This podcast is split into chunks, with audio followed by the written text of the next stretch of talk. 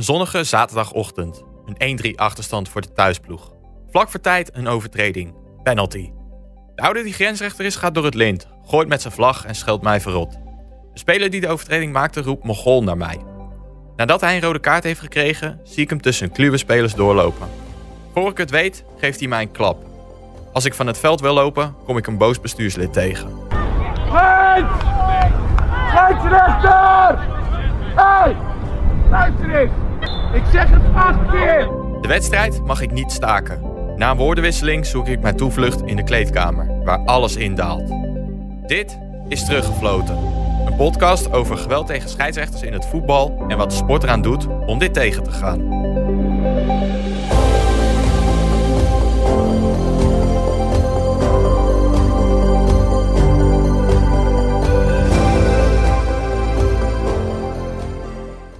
Welkom bij deze aflevering van Teruggefloten. Mijn naam is Rick Zinnige.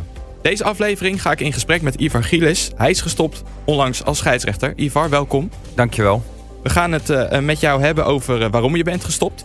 Uh, wat jou is overkomen en of je het mist om voor de KNVB te fluiten. En of diezelfde KNVB er wel genoeg aan doet om geweld op en naast het voetbalveld tegen te gaan. Um, maar eerst ben ik heel even benieuwd. waarom ben je ooit begonnen als scheidsrechter? Ik ben begonnen als scheidsrechter eigenlijk al heel vroeg. Uh, ik had een, uh, mijn broertje voetbalde best een leuk niveau uh, in de F'tjes en de E'tjes toen nog. Dat heet nu volgens mij onder de 9 en onder de 7. Daar hadden ze steeds geen scheidsrechter voor. En toen liep ik in de, ja, onder de 15, de C1. En ik denk, nou, laat ik maar een wedstrijdje fluiten omdat ze niemand hadden. En op een gegeven moment, toen ik wat hoger floot, kreeg ik een zware knieblessure. En toen ben ik eigenlijk volledig gaan focussen op het fluiten. Omdat ik toch iets met het voetbalspelletje wou blijven doen. Ja, en toen ben je eigenlijk ook steeds hoger gekomen, toch? Want waar floot je uiteindelijk? Mijn, uh, aan mijn top uh, heb ik de eerste klasse senioren gefloten. Dus ook door heel het land door. Um, ja, zo ben ik langzaam doorgegroeid. Ook nog een talenttraject gezeten van de KNVB. Het was een mooie tijd waar je toen veel begeleiding kreeg. Wat nu een stuk minder is. Ja, je bent inmiddels gestopt als scheidsrechter. Kun je ons vertellen waarom dat is? De normen en waarden zijn tegenwoordig bij de KNVB, uh, tenminste bij de spelers, steeds minder. Het is niet alleen de spelers, maar het zijn ook de trainers en de leiders die langzamerhand uh, langs het veld staan. En ook de sports hebben natuurlijk een belangrijke rol. En toen ik er steeds meer achter kwam dat, dat de KNVB er steeds minder aan ging doen, toen heb ik de keuze gemaakt om toch maar te, te stoppen. Omdat ik zelf niet meer op één lijn kon komen met de KNVB. Ja, dat is afgelopen december geweest, als ik het goed begrijp, vlak voor de, vlak voor de winterstop. Uh, kort daarvoor ben je al een keer een periode gestopt, maar je hebt het nog een keer geprobeerd. Dat klopt inderdaad. Toen dacht ik uh, eerst heel kritisch naar mezelf, zal het toch aan mij liggen. Dus je gaat toch dan op een gegeven moment op een andere manier fluiten. Um, ja, daar heb ik toch, um, ja, ik, ik voelde mezelf niet meer fijn op het veld, op de manier waarop ik ging fluiten. In plaats van het, zoals het hoort, zoals het in het spelregelboek staat. En dan krijg je toch vaak de opmerkingen van ja, uh, fluit dan tactisch. Maar ja, regels staan niet voor niets in het spelregelboek. Kun je ons meenemen langs een paar incidenten die je hebt meegemaakt in de jaren dat je hebt gefloten? Nou, de afgelopen jaren, het begin was heel leuk. Uh, hopen jeugdwedstrijden, uh, waar ook wel eens wat dingetjes gebeurden. Uh, ook wel eens een wedstrijdje stilgelegd in verband. meestal de wanordelijkheden aan de zijkant. Ehm, ja, daar leer je van. Toen op een gegeven moment was de uitdaging bij de jeugd was bij mij eigenlijk wel klaar. Dus toen ben ik naar de senior gegaan. Ik dacht, daar zal het ook wel veranderen. Nou, daar werd het eigenlijk alleen maar erger. En um, omdat je ook jong was, zochten ze je eigenlijk ook uh, steeds meer persoonlijk op. Niet alleen qua Facebook, maar ook uh, ja, gewoon in, in, in het algemeen. Als je naar de kleedkamer liep, werd je bespuugd. Ik heb wel eens een, een vlaggestok achter me aangehad. Waardoor mijn moeder ervoor dook om mezelf te redden, omdat ik het niet zag aankomen. Beledigingen, ehm, ja, noem het maar op. Ik kan een heel lijstje opnoemen. En de afgelopen twee, tweeënhalf jaar en dan ben ik er zelf nog een korte tijd uit geweest in verband ziekte. Um, is er gewoon een hele hoop gebeurd. En ja, dan zie je ook dat de KFB daar weinig aan doet. Uh, ja, dan ga je ook met een minder veilig gevoel het veld op. Je noemt zelfs uh, Facebook. Heb je ook echt berichten gehad van voetballers? Ja, echt uh, persoonlijke berichten dat ik achterom moest kijken. En ook dat heb ik gemeld bij de KFB en of de politie. Maar die konden allemaal niks. Want ja, het is niet persoonlijk, er is geen bewijs. En tegenwoordig met dit soort berichtjes kunnen ze niet achterhalen of het echt die persoon was. Dat gaat best ver natuurlijk. Um, wat doet dat met jou als persoon als je zo'n incident meemaakt? Ik, je, je doet het toch voor je hobby? Juist, zo is het ook. Ik ga ieder weekend met alle plezier naar het voetbalveld. Uh, het gaat mij niet om wie er wint. Het gaat mij erom om het spelletje te leiden. Eh, ik ga met een lach naar het voetbalveld toe. Ik vind ook dat ik 100% fit moet zijn om naar een wedstrijd toe te gaan. Ben ik 99%, dan blijf ik thuis. Want ook de spelers verdienen een fitte scheidsrechter. En eh, ik ben een gevoelsmens. Dus ook als er dingen eh, gebeuren richting mij, dan kan ik me best wel persoonlijk aangevallen voelen. En dit ook wel mee naar huis nemen. En toen ik op een gegeven moment doorhad dat het eigenlijk mijn zaterdagen ging beïnvloeden, toen was het voor mij ook wel een beetje van, wat doe ik hier nog? Ja, en dat heb ik nog steeds. Dat gevoel speelt nog steeds. Uh, ook omdat je eigenlijk het spelletje heel leuk vindt. Uh, hoe het vroeger was, denk ik. Eén eh, keer ben ik er zelf bij geweest. ik weet niet of jij dat zelf nog kunt herinneren eigenlijk. Dat was bij de wedstrijd Alvia Nieuwkoop. Toen was ik assistent scheidsrechter aan de kant van Nieuwkoop. En toen werd er ook iets geroepen vanuit het publiek. Zou niet weten van welke partij of welke kant dat was. dat, ja, dat doet er ook verder nu niet meer toe. Um, en nou ja, toen uh, ja, was dat ook lastig voor jou. En dan vraag ik me heel erg af met, met wat voor gevoel stap je dan die auto in na zo'n wedstrijd? Nou, wat ik al aangaf, ik ben heel kritisch op mezelf. Iedere wedstrijd uh, van minuut 1 tot aan 90 ga, draai ik terug. Had ik andere beslissingen moeten maken, had ik het anders kunnen oplossen. Um, die zijn er altijd. Ook ik maak fouten, de spelers maken fouten. Um, en ik geef ook mijn fouten toe als ik daarnaast zit. Uh, ook in mijn rapportage, ik heb ook wel eens rode kaart gegeven. Ik zelf denk van, oeh, waarom geef ik rood? Het is een split-second reactie uh, die je alleen op papier op een gegeven moment terug kan draaien. Maar als je dan toch naar huis gaat en waar je denkt waar je terechte beslissingen hebt gemaakt, waar bepaalde mensen niet mee om kunnen gaan en dan je ook echt persoonlijk aanvallen, dan ga je met een rot gevoel naar huis. Ja, en dan, en dan ga je met dat gevoel naar huis. En hoe gaat dat dan daarna verder? Hoe, hoe, hoe bespreek je dat thuis of met vrienden, familie? Nou, ik heb een uh, bepaalde scheidsrechtersgroep, om zo te zeggen. Bepaalde vaste jongens waar ik mee praat over bepaalde incidenten uh, die je omschrijft. En dan krijg je ook bepaalde meningen terug. Waar je soms denkt, ja, daar heb ik wat aan. Misschien heb je gelijk. En andere dingen ook van, ja, het zijn de regels. En ja, vrienden van mij, dus ook collega's scheidsrechters die nog wel fluiten. Die gaan er heel anders mee om. Die denken, ik ga naar huis, ik uh, loop het hek uit en ik ben er klaar mee. Maar gelukkig is ieder mens anders. En voor mij is het dan op een gegeven moment gewoon klaar. En uh, ik kan tot uh, dinsdag kan ik daar nog ziek van zijn. Um, ben ik toch ook heel erg benieuwd naar uh, vaak een kritische noot die ook wordt gegeven. je noemde het zelf net ook heel even al. Um, want laten we vooropstellen, geweld is natuurlijk nooit te verdedigen. Maar in hoeverre denk je dat scheidsrechters soms zelf ook een aandeel hebben in dat een wedstrijd kan ontsporen of niet? Als je als scheidsrechter vanaf minuut 1 hoor je scherp te zijn. Um, ook ik heb wel eens het gevoel gehad dat ik denk van oeh, die eerste 10 minuten die had ik moeten hebben, die heb ik niet. Als je daar niet handelt hoe je zou moeten handelen, ben je je wedstrijd eigenlijk al kwijt. En probeer hem dan maar eens terug te pakken. Dat is heel moeilijk. Ja, dat zijn eigenlijk ook dingen waar wedstrijden door uit de hand kunnen lopen. Maar de grootste rol zijn de, de assistenten die langs de kant staan. Wel buitenspel, geen buitenspel. Het zou net om de 88 minuut gaan. Die vlag gaat omhoog. Ik sta niet goed eh, gepositioneerd en hij vlagt.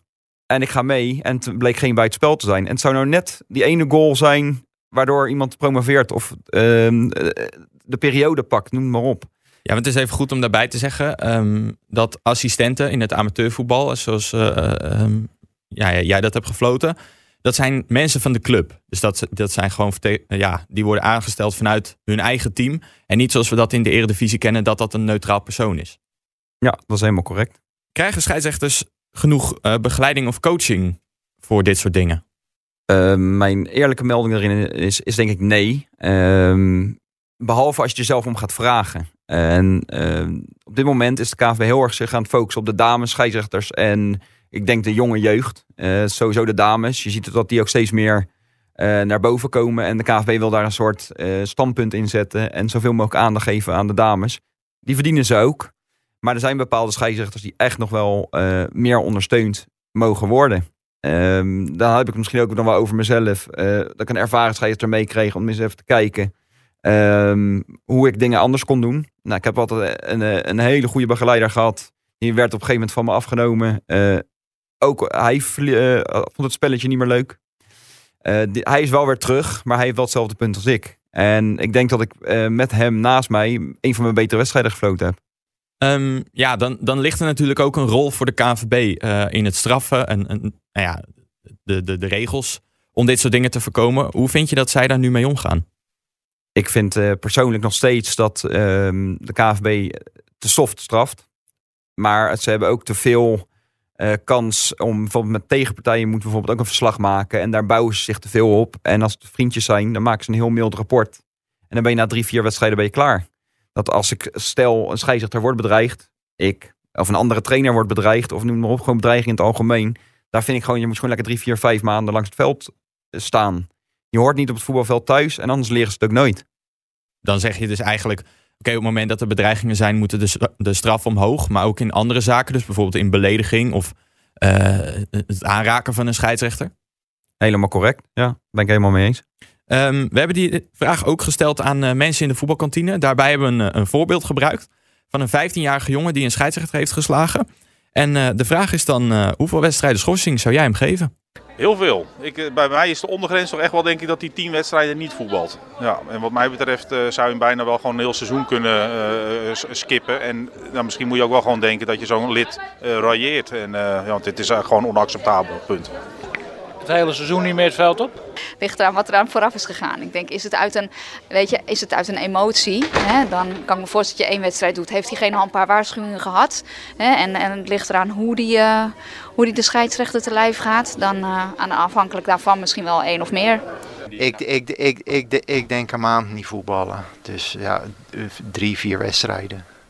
15-jarige speler. Joh, um, hoeveel schorsingen? Nou ja, weet je, ik denk sowieso uh, een paar weken lekker bank zitten of zo. Ik denk sowieso wel een maandje. Ik vind het ontolereerbaar. Maar ja, het zijn pubers. En uh, hebben zichzelf ook niet altijd onder controle. Ik denk ook dat je als team dat moet zien aankomen. En ver, eerder in actie moet komen. Als jongen uit zelfbescherming op het bank moet zetten. Dit is een praktijkvoorbeeld. Dit is mij overkomen. Uh, hoe reageer jij als ik zeg dat hij vier wedstrijden geschorst is geweest? Veel en veel te weinig. Want dit, ook dit, hè, als je dat niet op, die, op een goede manier bestraft, ja, dan wordt het bijna uh, ja, gewoon de normaalste gang van zaken. Uh, jij geeft dan nog aan vier. Ik denk dat er ook nog wel zijn dat er verzachtende omstandigheden zijn waarbij het misschien nog wel een beetje weggewuifd wordt. Nou, dat is helemaal schandalig, want dan ga je uiteindelijk ook scheidsrechters niet meer krijgen. En ook die vrijwilligers die wel inzetten, dat die dan ook weglopen. Nou ja, wat ik al zei, hè, um, ligt denk ik ook aan de situatie vooraf. Hè. Die heb je nu niet geschetst, dus, maar dan denk ik wel dat, uh, ja, dat dat misschien terecht is. Ja. Geweld is natuurlijk nooit de oplossing.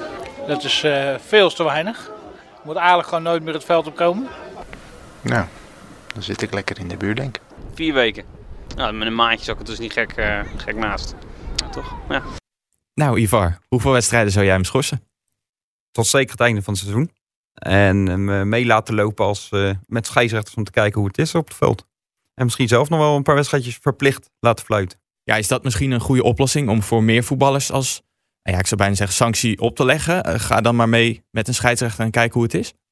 Ik denk dat je moet kijken in de loop van de um, jaren wat hij al gedaan heeft. Meestal zijn er meerdere incidenten en denken hun ook van, ja, ach, het is nu gebeurd. Of je hoort, het is emotie. Uh, het is gebeurd. Ik heb drie wedstrijden gekregen. Zou ik er nu wel zeven krijgen? Jammer dan. En het jammer is dat sommige clubs heel hard bezig zijn met normen en waarden. En dat één speler heel die club naar zijn ja, Filistijnen kan gooien door één zo'n incident. Want de naam van de club wordt wel genoemd. En daar moet veel meer aan gedaan worden. Ja, um, jij hebt natuurlijk ook incidenten meegemaakt. En ik weet niet of je dan nog wel eens iets terug hoort van hoe uh, zwaar zo'n speler gestraft wordt. In dit geval was het vier wedstrijden. Uh, hoe reageer jij erop als je dat hoort? Ja, als ik de scheidsrechter geweest zou zijn, zou ik me niet serieus uh, genomen gevoeld hebben.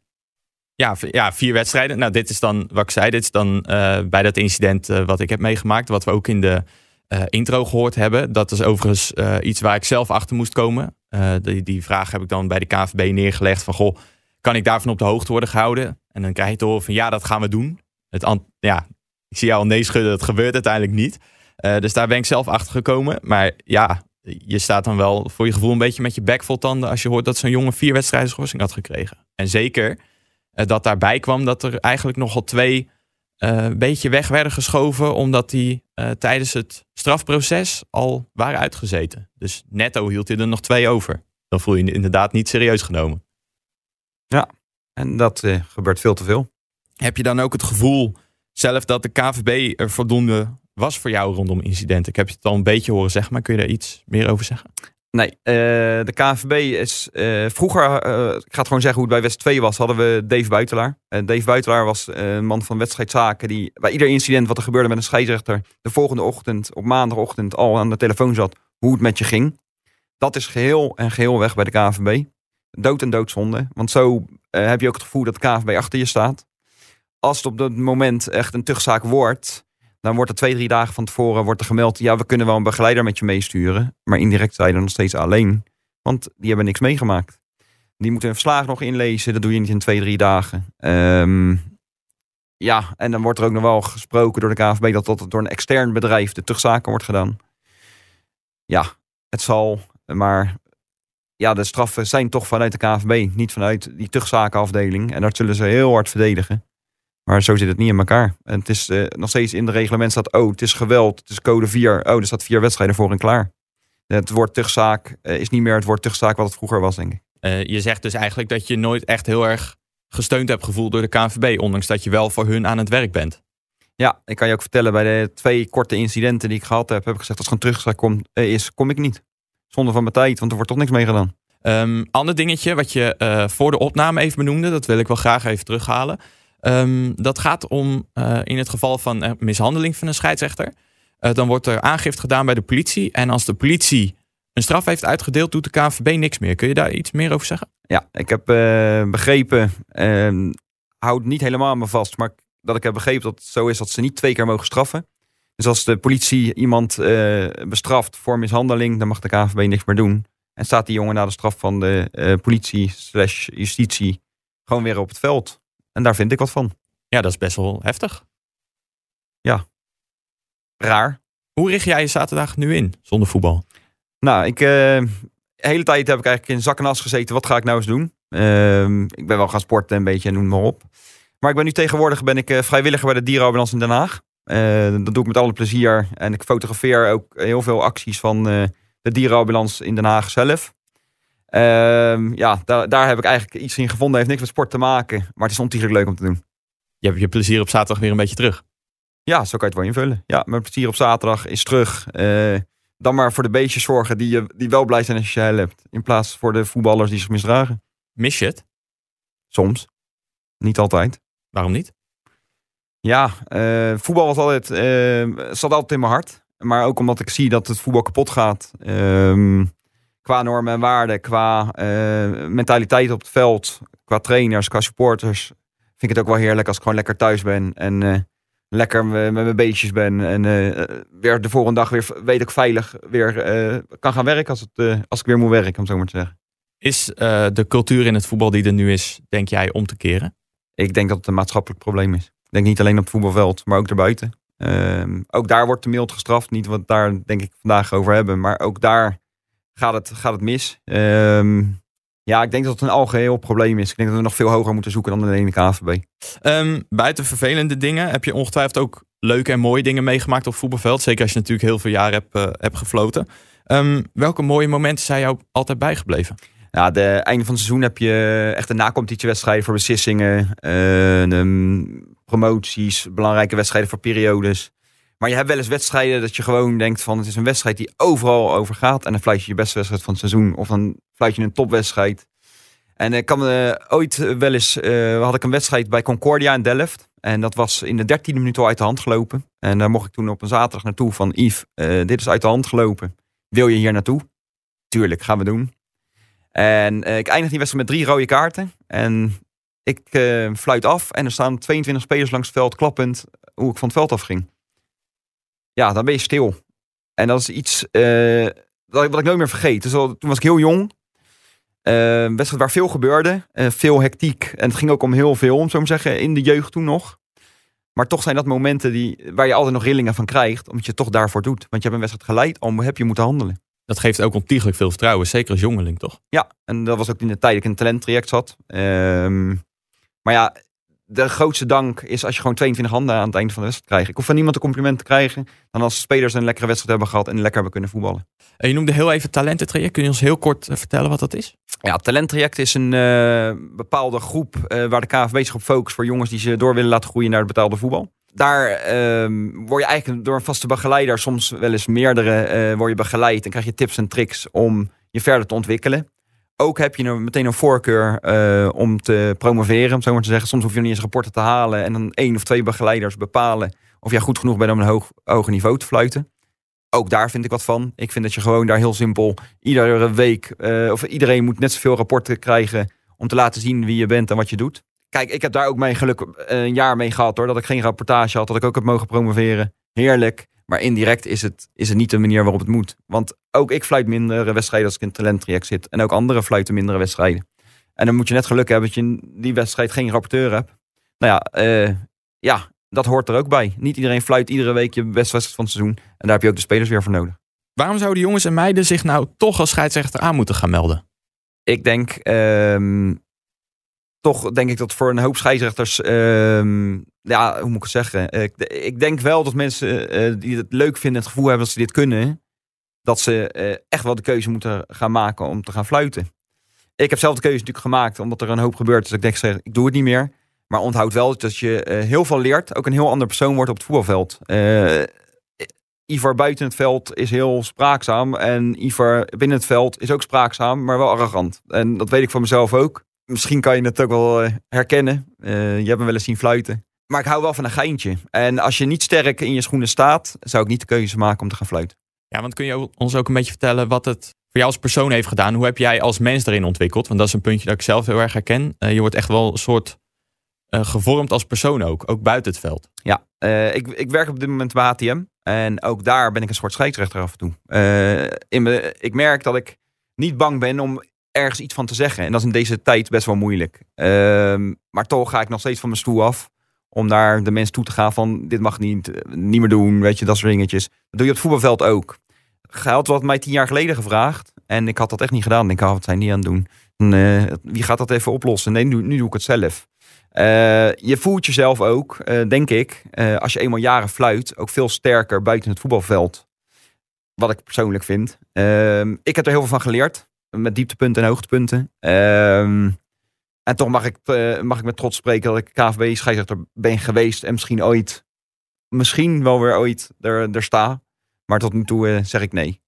Wat zou jij um, als tip of tips mee willen geven aan andere scheidsrechters? Misschien zelfs wel die beginnende scheidsrechter geniet van de mooie momenten.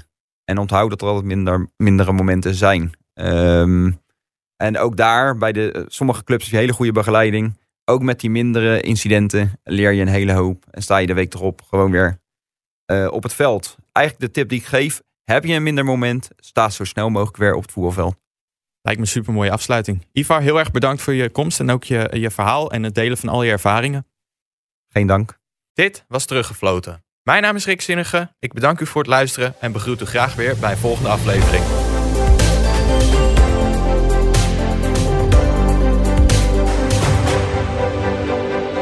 Teruggefloten is een podcast van Hart van Nederland, gemaakt door Rick Zinnige. Met dank aan Thijs Silverberg, Daniel Bom en Irene Jansen. Vergeet je niet te abonneren, dan mis je geen enkele aflevering van Teruggefloten.